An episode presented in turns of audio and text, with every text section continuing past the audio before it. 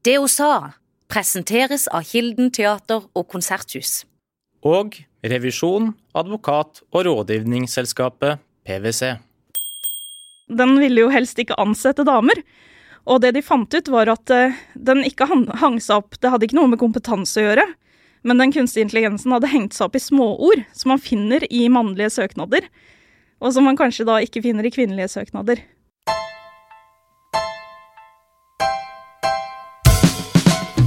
Denne episoden er til alle dere der ute som trenger å skjønne litt mer av greia med kunstig intelligens. Målet er at du etter å ha hørt denne episoden skal vite mer om hva det er, hvordan det brukes, og litt om det som kanskje ikke er så bra. Med oss som gjest i det hun sa i dag, har vi en ekspert. Rebekka Olsand Omslandseter. Velkommen til det hun sa.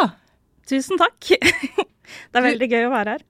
Ja, du forsker på kunstig intelligens på Universitetet i Agder. I tillegg jobber du i IT-selskapet Bouvet, der du bruker kunstig intelligens.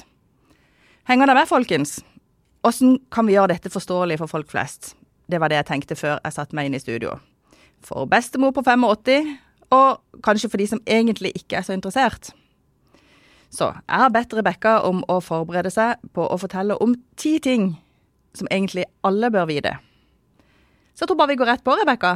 Mm. En. Hva er egentlig kunstig intelligens? Jeg pleier å si at kunstig intelligens er når vi har dataprogrammer som gjør smarte ting. Ting som man tenker at egentlig bare mennesker kan løse. Når vi får datamaskiner til å vise det som vi kaller intelligent oppførsel, da kaller vi det kunstig intelligens. Kan du gi meg noen eksempler? Når vi snakker om kunstig intelligens, så prater vi egentlig om ganske mye forskjellig, fordi det er et ganske vidt begrep. Så det, kunstig intelligens handler både på en måte om etikken rundt det. F.eks. at eh, en robot kan automatisere eh, inni et lager og flytte pakker, f.eks. Men også det som kalles algoritmer. Og når vi snakker om algoritmer, da snakker vi om dataprogrammer. Det som på en måte skiller et vanlig dataprogram som vi har på PC-en vår, med et kunstig intelligens-dataprogram, det er at et kunstig intelligens-dataprogram, da har man programmert eh, programmet sånn at det kan lære selv. Vi var så vidt innom dette med algoritmer. Jeg går litt tilbake til det. Hvis du enkelt skal si hva en algoritme er, hva er det? En algoritme det er egentlig et sett med instrukser. Så vi kan tenke på algoritmer som en vaffeloppskrift, hvor man vet hvor mye av hver ingrediens som skal puttes i, i på en måte vaflene. Og uh, som kanskje også beskriver hvordan du lager vaflene. Så en algoritme er på en måte en oppskrift, rett og slett. Er det noe i det bildet som mange av oss har av sånne roboter som liksom tar over verden i sånn Terminator-stil? Eller er det en myte? Det er en myte. Og grunnen til det er at de kunstig intelligens-algoritmene, eller det som vi jobber med, som er kunstig, det vi kaller kunstig intelligens i dag, da, det er veldig langt ifra eh, en robot i Terminator-stil som kommer og tar over verden. Men det som AI-forskere på en måte er litt bekymra for, det er at vi ikke har så veldig mye reguleringer når det kommer til kunstig intelligens. Sånn at egentlig så er kunstig intelligens allerede ganske inkorporert i vår hverdag. Og det vi ikke vet så veldig mye om, det er hvordan de eh, da kunstig intelligensen som vi har eh, med oss til daglig, hvordan den egentlig da påvirker oss. Det vet vi egentlig ganske lite om. Og det kan også være litt skummelt, kanskje. Og dermed er vi egentlig over på punkt fire. For på hvilken måte er kunstig intelligens allerede en del av vårt dagligliv? En av de tingene uh, som, har, som, kanskje er proppfull med kunstig intelligens, som man ikke tenker så mye over, det er noe som man har med seg nesten overalt, eller de aller fleste har i hvert fall det, og det er mobilen vår. Mobilen vår er proppfull av kunstig intelligens-teknologi. Og sånn at vi bruker egentlig kunstig intelligens i mye større grad enn det vi kanskje tenker over. Bare se f.eks. på eh, bildelagringa på telefonen vår. Hvis du har en Android-telefon, så er du kanskje kjent med Google Photos f.eks. I den så lagres bildene, og så kan man søke etter f.eks. julaften, og så vil man få bilder som da ligner på altså julestemning og med jul, jul som tema, da. Eh, eller man kan søke Eller der kan man f.eks. søke etter fest, og så får man opp bilder av fest. Sånn at, og det er det kunstig intelligens som på en måte hjelper eh, da telefonen vår med å finne fram bilder av fest, f.eks. Og det er det som kalles da bildeanalyse, som gjøres med kunstig intelligens. Ja, for jeg får opp sånne forslag på min telefon, på min iPhone, der det kommer f.eks. en overskrift som 'Ute blant trærne', og så kommer det masse forskjellige bilder fra skogen, og der er jeg på tur. Mm. Og da er det kunstig intelligens som har valgt ut disse bildene. Ja, det er det. Så det er kunstig intelligens som i stor grad har hjulpet telefoner og teknologi å på en måte forstå bilder på en måte som vi tenker at OK, det, det er hjelpsomt, eller det er smart. Ja, og da bruker vi denne teknologien uten at vi egentlig tenker over hva det er som gjør at disse forslagene kommer opp. Mm. Og det samme ser vi jo når vi eh, Hvis man gjør et Google-søk, f.eks. Så de resultatene som du får opp på din telefon, de er basert på kunstig intelligens. Og grunnen til at de bruker kunstig intelligens til det, er for at de ønsker å lære deg å kjenne, sånn at de kan tilby deg enda bedre søkeresultater til deg som person. Og det betyr vel også at hvis du og meg søker med det samme ordet, Mhm. så vil vi få helt forskjellige resultat når, når vi googler noe her. Ja, det stemmer. Og det som er veldig positivt med det, er jo at det gjør at eh, jeg føler at min mobil er bedre tilpassa til meg, eller Google-søking er liksom veldig eh, At det funker veldig bra, da. Sånn at det, det er det positive med det. Men det negative med det er jo at man kanskje ikke tenker over at det er sånn. Så det vil si at hvis jeg da eh, er veldig glad i én type godteri, f.eks. sort krokodillegodteri, da, så ville kanskje eh, Google-søkene mine bare vist meg på en måte sort krokodillegodteri. Og da er det veldig vanskelig å forestille seg at noen andre sin verden på internett kan se helt annerledes ut. Og det er det mange forskere på en måte påpeker at er litt skummelt, da. At man blir i sin egen boble. Jeg er nysgjerrig på det der med at vi får forskjellige svar, avhengig av hvem vi er som spør. Har du opplevd det helt konkret? Ja, jeg og en kollega hadde jo et forsøk hvor vi begge prøvde å søke på Google med tale. Hvor jeg eh, da søkte etter hvilken utdanning jeg burde, velge. Og jeg fikk svar eh, Altså søkeresultatene sa lista opp sykepleier og andre på en måte tradisjonelle dameyrker, om vi kan kalle det det. Mens min kollega, som da har en mannlig stemme, fikk opp andre søkeresultater. Og det er egentlig litt sånn eh, ikke så bra, fordi man tenker jo at når man søker på Google, så burde man ikke bli påvirket i den ene eller den andre retningen. Ja, for han fikk opp eksempler på yrker som egentlig både krever lengre utdanning og kanskje har høyere status. Ja. Yrker som lege, eksempel, og, og psykolog. Mens du ble foreslått til å være sykepleier. Ja. Så det, det viser jo den forskjellen, da. Som Og det kan- viser også hvordan det kan påvirke folk helt konkret mm. i livet, på hvilken vei man går, eller valg man tar. Ja. Så når man da tenker at man gjør et nøytralt søk på Google, så for at eh, I stedet for at det er nøytralt, da, så er det så tilpassa det man tror at du vil like å se, at det på en måte går utover altså, den grensa, tenker jeg, da, på hva man burde eh, bli påvirka på, og hva man ikke burde bli påvirka. Så den setninga om at teknologi er nøytral, den setter vi bare en strek over eller et kryss over med en gang. Ja. Teknologi er ikke nøytralt. Nei, det er ikke nøytralt. Disse tingene er veldig spennende, syns jeg. Jeg har lyst til å komme tilbake til det. Men jeg hadde jo, har jo gitt et, et løfte om at vi skal ha liksom noen punkter. Så nå går jeg Nå skjærer jeg gjennom, og så tar jeg punkt fem. Eh, og der har jeg skrevet at kunstig intelligens det kan løse enkelte oppgaver bedre enn mennesker. Men det er jo noen ting som ikke funker også. Eh, og da lurer jeg på, er humor en sånn ting? Altså kan kun, kunstig intelligens takle å forstå og levere humor? Ja, fordi nå er du inne på en veldig interessant ting. Og det er at forskere lenge har trodd at en av de mest umulige oppgavene å løse innafor kunstig intelligens, det vil være dette med humor. Det å forstå humor. Men nå har vi jo fått teknologi som på en måte i en stor grad, med ChatGPT, som kanskje flere av oss har hørt om, så den kan faktisk forstå humor i en tekst. Så du kan spørre hva er morsomt med denne teksten, og så greier den til en viss grad å forstå hva som faktisk er morsomt i den teksten. Og det er ganske sånn eh, eh, kult at eh, de har klart å få til det. Men eh, det er også Altså, det er veldig mange ting som, som kunstig intelligens fremdeles ikke kan gjøre. De tingene som kunstig intelligens er veldig dårlig på, det er jo de menneskelige tingene. Som at vi klarer å løse veldig mange forskjellige oppgaver og forstå ting ganske kjapt. da. Mens kunstig intelligens de har vi fortsatt bare utvikla på en eh, smal måte, kan man si. Som vil si at de bare kan løse én og én ting ofte. Som eksempel ChatGPT. Den kan generere tekst, i hovedsak. Men den kan eksempel ikke hjelpe til med å, med å vaske huset ditt, eksempel. Det er litt kjedelig. Ja, det er litt kjedelig. Men du, for de som ikke er fortrolige med chat, GPT, hva er det egentlig? ChatGPT det er jo en uh, kunstig intelligens som er en tekstgenereringsmodell. Det vil si at den uh, kan gjette på hvilke ord som er sannsynlig å komme etter hverandre. Og det betyr at den kan på en måte generere f.eks. en artikkel, eller den kan skrive et innlegg til et foredrag, eller den kan svare på spørsmål, og du kan ha en samtale med den. Men kan den skrive en tale for meg, f.eks.? Ja, den kan skrive konfirmasjonstalen, f.eks. Men det sånn helt konkret, da, hvis jeg skulle brukt den.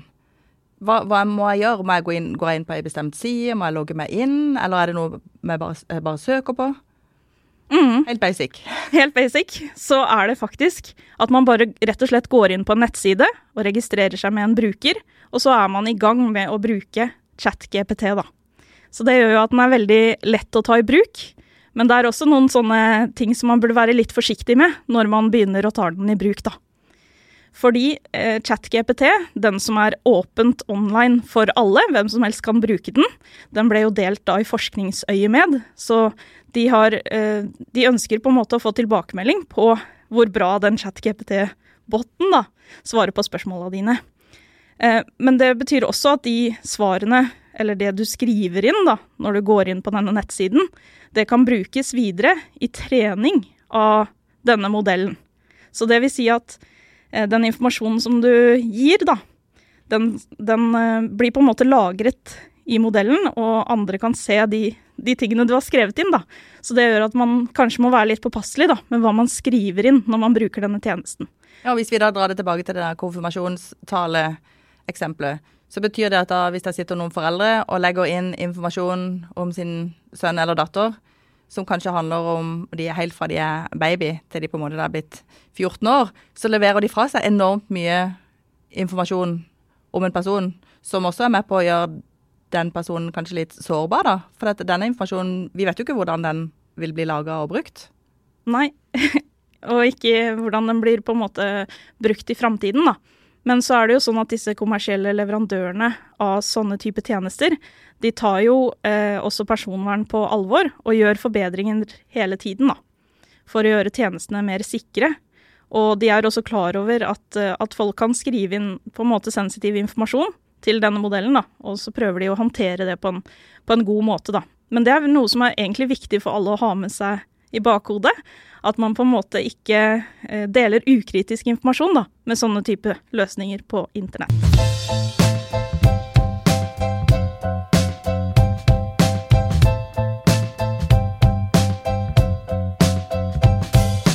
Punkt 6. Kunstig intelligens er god i matte og kan løse problemer der vi har helt sånn spesifikke og definerte mål. Men hva skjer når vi spør om noe som ikke er så spesifikt? Da vil vi ikke få et veldig godt svar tilbake, rett og slett. Så for at vi skal kunne bruke kunstig intelligens til noe, så må vi egentlig ha et ganske målbart mål med det vi ønsker at det dataprogrammet skal få til. Sånn at hvis vi da har eh, et eksempel, er jo med bildeanalyse, hvor vi da eh, har lyst til å finne ut hva som finnes i et bilde, så kan vi da gi eksempler på at eh, her i dette bildet så er det en hund, og i et annet bilde så er det en katt. Og det er ganske spesifikt. Så i bildeanalyse så er det den måten som vi gjør det spesifikt på, da. Og når vi snakker om ChatGPT, så er jo den trent opp på tekst. Masse enorme mengder med tekst, hvor den da har på en måte blitt trent opp til f.eks. hva er humoren i denne teksten, eller hva er betydningen i denne teksten, blant annet. Men den har også da bare trent opp med enorme mengder tekst for å forstå egentlig mønstrene i hvordan man skriver tekst. Bare med masse, masse eksempler så kan man da få den til å forstå faktisk ganske godt hvordan eh, man skriver tekst, og hvordan tekst henger sammen, da. Så for at vi skal ha kunstig intelligens som funker bra, så må vi ha et mål eh, som vi kan definere veldig spesifikt. For det som ligger i bunnen av kunstig intelligens-algoritmer, eller disse oppskriftene som jeg snakket om i stad, det er jo matematikk. Så i bunnen så er det matematikk. Og derfor, når man da skal eh, lage kunstig intelligens-algoritmer, så må man være ganske kreativ med hvordan man definerer problemene sine, og veldig spesifikt på de problemene.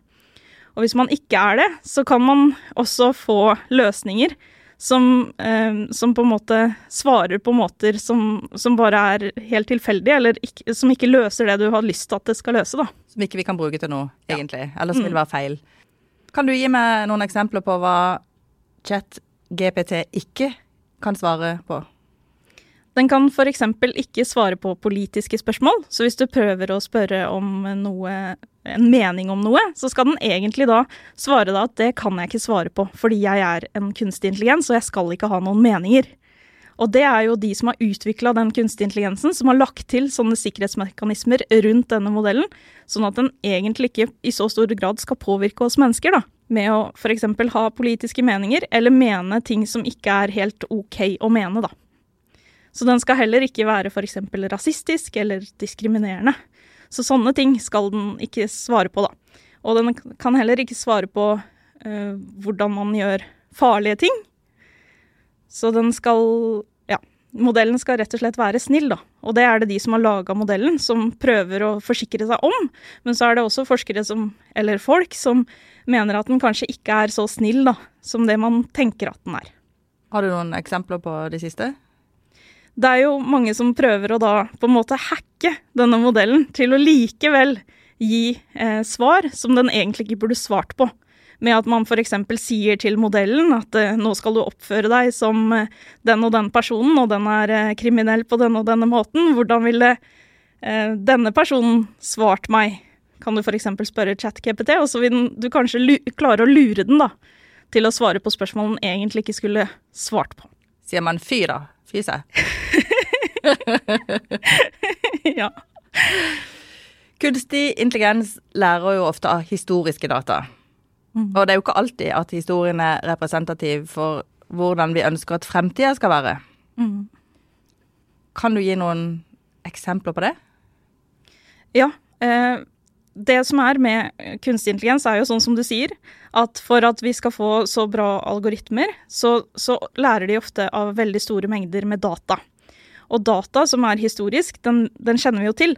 At kanskje ikke alltid er sånn som vi ønsker at uh, framtiden skal se ut. For eksempel så prøvde jo Amazon å lage en, uh, en kunstig intelligens som kunne vurdere jobbsøknader, CV-er og jobbsøknader fra, fra, personer da, som da søkte på jobb hos dem. Men det de oppdaga da, var at uh, den ikke likte damer. Så i 2018 så måtte de skrote denne løsninga, selv om de hadde brukt masse tid og masse penger på å prøve å utvikle et sånt verktøy. Ja, For hvilke resultater var det de fikk opp, da? da den, den, ville jo helst ikke ansette damer.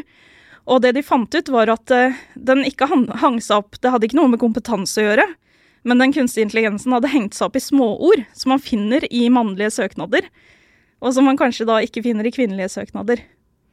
Og grunnen til at den foretrakk da de mannlige søkerne, var fordi at historisk så hadde Amazon faktisk bare eh, ansett, ansatt aller flest menn. Så derfor foretrakk også den kunstige intelligensen menn. Så den historiske dataen på en måte ødela litt for at den eh, løsningen som de prøvde å lage nøytral, at den faktisk ble nøytral, da. Så det, det gikk ikke pga. den historiske dataen. Ikke representerte det de ønska for framtida, da. Og betyr det at hvis jeg hadde skrevet inn eh, banksjef, så kunne jeg få opp bilde av en hvit mann på kanskje rundt 50, basert på det som ligger inne av data, at det er sånn det har vært tidligere, stort sett, så har det vært godt voksne hvite menn som har vært banksjefer. Ja. Det som er med kunstig intelligens, som da trener på historisk data, når vi da merker at den er diskriminerende eller ikke gjør det vi ønsker, så retter vi egentlig pekefingeren mot oss selv. Fordi eh, altså, den historiske dataen gjenspeiler egentlig samfunnet sånn som det var. Og så ønsker man kanskje ikke at uh, framtida skal se ut på en lik måte, da. Og da er det veldig viktig at man har mekanismer som på en måte detekterer eller oppdager at her er det løsninger som ikke gjør det som vi ønsker, da. Jeg har hørt at teknologien omtales som såkalt disruptiv. Det er jo et sånn vanskelig ord i utgangspunktet, syns jeg. Kan, du forklare kort hva som ligger i det ordet, hva det betyr? Ja. Det er eh, nå som vi ser så stor og rask utvikling innen kunstig intelligens, så er det mange som har begynt å kalle den teknologien for disruptive. Og når en teknologi er disruptive, så betyr det at den egentlig da fundamentalt endrer måten som vi mennesker lever på. Og det er jo en ganske sånn spennende ting, men også en litt skummel ting kanskje, når man hører det. Men det er mange forskere som nå mener at vi er inne i en AI-revolusjon, eller en teknologisk revolusjon, kan man si, da. Og da blir det jo spennende å se hva som skjer videre. Når Apple kom med sin smarttelefon, så ble den teknologien kalt disruptive. Så det er eh, på en måte Nå ser vi kanskje at det samme skjer igjen, da. F.eks. med denne løsningen ChatGPT. Kunstig intelligens gir oss muligheter som vi ikke har hatt tidligere. Eh, hvis du skal fortelle om de områdene der du ser flest muligheter, mm. hvilke områder er det? Innenfor helse håper jeg virkelig at eh, kunstig intelligens kan hjelpe oss. Vi så jo for en stund tilbake at Kvinnehelseutvalgets rapport om kvinnehelse i Norge at den var ganske rystende lesning. Hvor kvinners helse har eh, lav prioritet, og at kvinner ofte får lite gjennomslag for sine meninger om helse, da. Eh, og kanskje kan kunstig intelligens være med oss og tette det gapet da, innenfor forskning på f.eks. kvinnehelse. I hvert fall håper jeg det. Og så er det mange som påpeker at kunstig intelligens kan hjelpe f.eks. eldre å bo hjemme lenger. Og hvis man tenker innenfor helse i et litt annet perspektiv også, så kanskje kan kunstig intelligens hjelpe å ta vekk litt av den administrative byrden da, som sykepleiere og leger møter i dag. At man kanskje får bedre tid til pasientene og slipper å gjøre like mye papirarbeid. Vi har også eksempler på at uh, kunstig intelligens f.eks. kan fjerne støy i samtaler, noe som vi allerede ser i Teams, at den tar vekk f.eks. hvis man hoster mens man har en Teams-samtale, så blir det filtrert bort. Og det er pga. kunstig intelligens. Kanskje vi kan bruke det i podkasten òg? det er mye, mye mulig. Um, og så også, uh, blir også kunstig intelligens brukt til å øke dyrevelferden, f.eks., ute i Norges land. På, på hvilken måte da? Eh, for eksempel har de et prosjekt som var for en del år siden, eh, som het DigiPig-prosjektet. Hvor de prøvde da å eh, øke trivselen til griser ved at de kunne da gjenkjenne på en måte grisenes oppførsel ved hjelp av video, da, eller, eller bildegjenkjenning, som var den teknologien som ble brukt til å på en måte analysere hvor bra grisene har det i grisebingen. da. Også til svindeldeteksjon kan man bruke kunstig intelligens. fordi da kan kunstig intelligens bli kjent med hvordan du pleier, å bruke kortet ditt. Og så kan man da detektere hvis det er sånn at, eh, at den blir brukt på en måte som ikke er naturlig for deg, da. Og så kan den si ifra at OK, det her er muligens svindel. Og det er jo ganske kjekt for oss som forbrukere at vi har nye sikkerhetsmekanismer som kanskje kan lages ved hjelp av kunstig intelligens, da. Noen diskuterer jo om dette med kunstig intelligens kan bli menneskelig. Det hørtes jo litt skummelt ut. Hva tenker du om det? ja. Det er jo kanskje litt sånn med kunstig intelligens eh, og menneskelighet som det som vi ser med biler. Jeg er jo personlig veldig glad i bilen min. Jeg har navn på bilen, som jeg, eh, som jeg da kaller Perla. Eh, men hun, bilen min, eh, består jo bare av mekaniske deler, egentlig, som bare arbeider sammen for at jeg kan nå kjøre bilen min på veien, på en måte. Så det at den bilen skulle plutselig fått det jeg ville definere som menneskelige følelser, det føles ganske fjernt for meg. Men når vi ser på kunstig intelligens-algoritmer, så kan de ofte framstå, eller vi legger veldig mye personlighet, da, sånn som jeg gjør med bilen min, i de løsningene som består av kunstig intelligens. Så det gjør at de kanskje føles menneskelige, selv om de ikke er menneskelige. Men syns du det er en skummel tanke, eller syns du det er en litt sånn gøy tanke? Siden du har navn på bilen din og, og alt. Ja. Jeg tenker jo at hvis eh, den kunstige intelligensen faktisk blir menneskelig, så er det en litt skummel greie, da, for hvordan skal vi håndtere det? Men sånn som jeg ser det, så er det en ganske fjern ting, da. At den skal faktisk få eh, en menneskelighet. Men den kan ofte på en måte eh, etterape hvordan vi mennesker er, pga. måten som de er bygd opp, da, disse modellene. Som gjør at de kanskje virker som at de er mer menneskelige enn det de faktisk er. Nå er vi gjennom den lista, og jeg tror at de som har hengt med til nå, de er iallfall blitt litt klokere. Det har jeg blitt. Men jeg har jo mange flere spørsmål, så vi er jo nødt til å snakke med deg litt til. Vi skal både bli litt bedre kjent med deg, men jeg har ett spørsmål. Vi ser jo at en del jobber blir erstatta av roboter. Eh, I mitt yrke har vi allerede tatt i bruk robot f.eks. til å lage resultater, altså fotballresultater. Eh, vi vet at mm, det brukes til å skrive korte nyhetsmeldinger. Kan kunstig intelligens erstatte journalister, f.eks.? På sikt? Jeg vil jo tro at uh, arbeidsmarkedet er i endring, og vi vil se en endring i hva man trenger å gjøre på jobben. Kanskje er det noen oppgaver som Noen av de kjedelige oppgavene som kanskje trenger, ikke trenger å gjøre lenger, da, i framtida.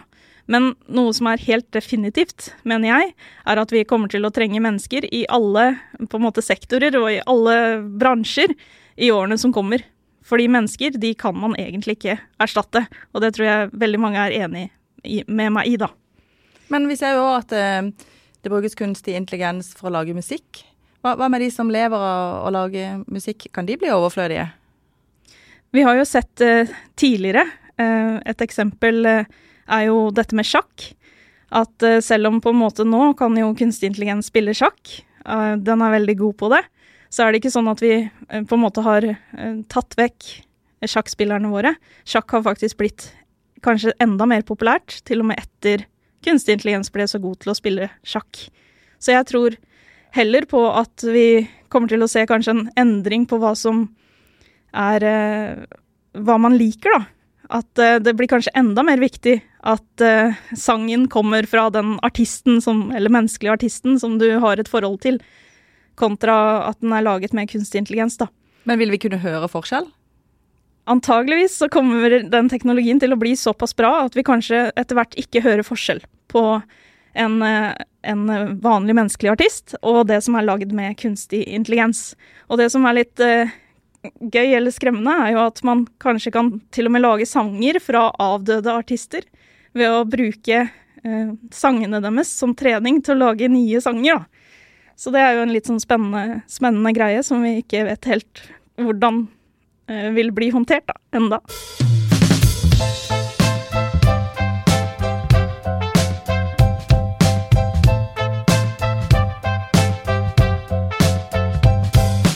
Det sies jo igjen og igjen og igjen at alle må på en måte komme seg på dette toget. Det er bare et spørsmål om tid før det nesten er for seint.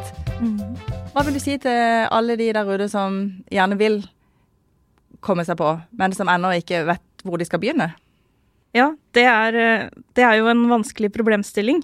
Men altså Til de så vil jeg egentlig si at man må bare rett og slett prøve å hoppe i det. Og teste ut litt. Kanskje kan man få hjelp fra noen man kjenner, som har litt mer kunnskap om de ulike tingene. Om de digitale verktøyene som vi omgir oss med. Men så er det jo også det som du nevner, da, at det er jo lett å på en måte havne bakpå hvis man ikke er digital i dag. Og det er jo en kjempeutfordring, og det er jo noe som jeg tenker at vi som samfunn må være veldig klar over, og noe som vi må ha fokus på. Fordi det er, burde ikke være sånn at vi har 600 000 ikke-digitale mennesker i Norge i dag, f.eks. Når så mange løsninger er digitale. Det blir vanskeligere og vanskeligere å komme i kontakt med tjenester som man er helt avhengig av. Og det er jo et kjempeproblem.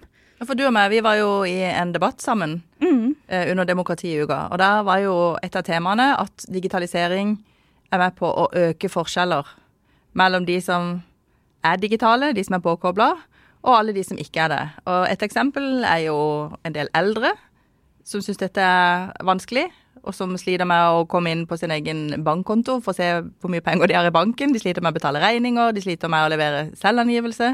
Og det er ikke bare eldre, men det kan være folk med annen bakgrunn. Altså flyktninger, folk eh, med migrasjonsbakgrunn, som sliter med å på en måte komme inn i det norske samfunnet, fordi alt er digitalt. Altså, det, øker forskjellene. Mhm.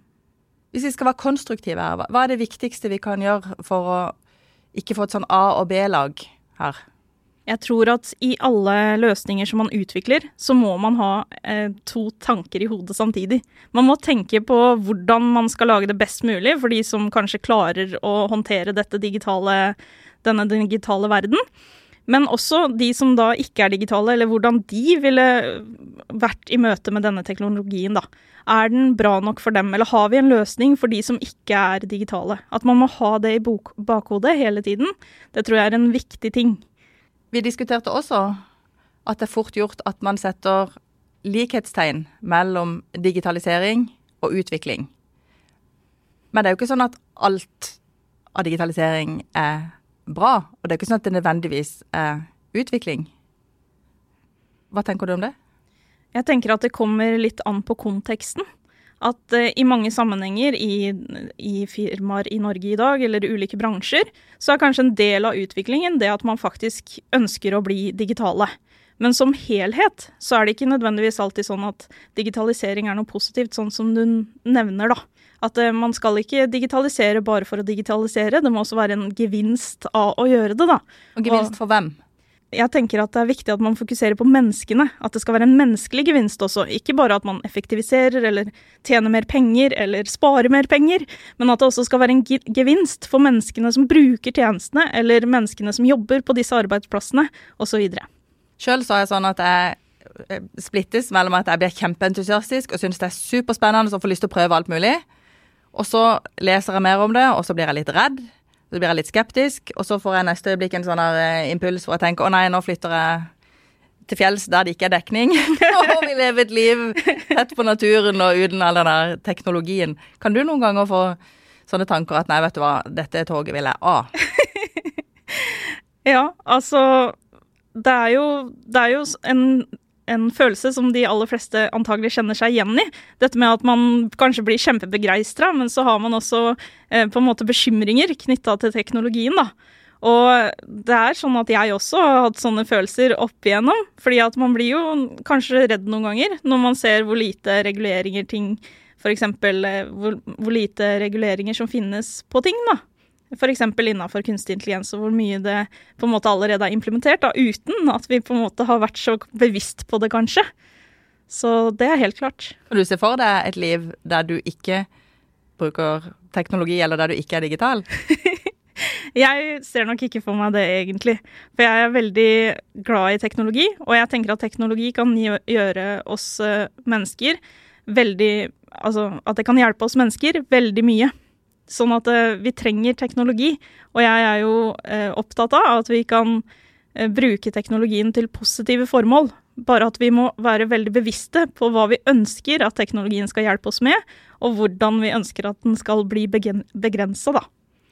Alle som hører på deg, Rebekka, skjønner at det, dette er et kjempespennende tema, og at dette kan du mye om.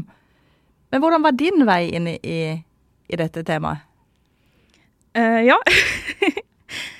det var jo sånn at uh, da jeg skulle velge retning etter videregående, så var jeg superusikker på hva som jeg hadde lyst til å gjøre videre. Og jeg var egentlig litt sånn redd for å velge teknologi, fordi at jeg hadde på en måte mange av disse fordommene om at eh, teknologi, det er, liksom, det er liksom for menn, og de som går på sånne retninger, de, de kan supermasse fra før av. Men så turte jeg til slutt å ta en teknologisk retning etter hvert likevel. Selv om jeg på en måte skjulte det litt bak, at jeg valgte en retning som hadde litt økonomi i seg også. Men så bytta jeg litt etter hvert. Så det var sånn jeg egentlig da kom inn i teknologien. Men jeg har alltid vært eh, interessert i teknologi, og jeg har sittet mye eh, og programmert hjemme på holdt jeg på å si barnerommet, hvor jeg lagde nettsider og grafiske elementer og sånne ting. Jeg hadde også noe så cringe som en blogg, hvor jeg delte masse fra mitt eget liv, men også eh, der hvor jeg kunne på en måte gjøre ting på PC-en for å få den bloggen til å se fin ut, f.eks. Sånn at jeg har alltid vært interessert i det som eh, er programmering, som er en del av den teknologiske utviklinga som vi ser i dag, da. Hvis noen av de som hører på, har egentlig en litt sånn hemmelig drøm om å koble seg på dette her og lære mer om det.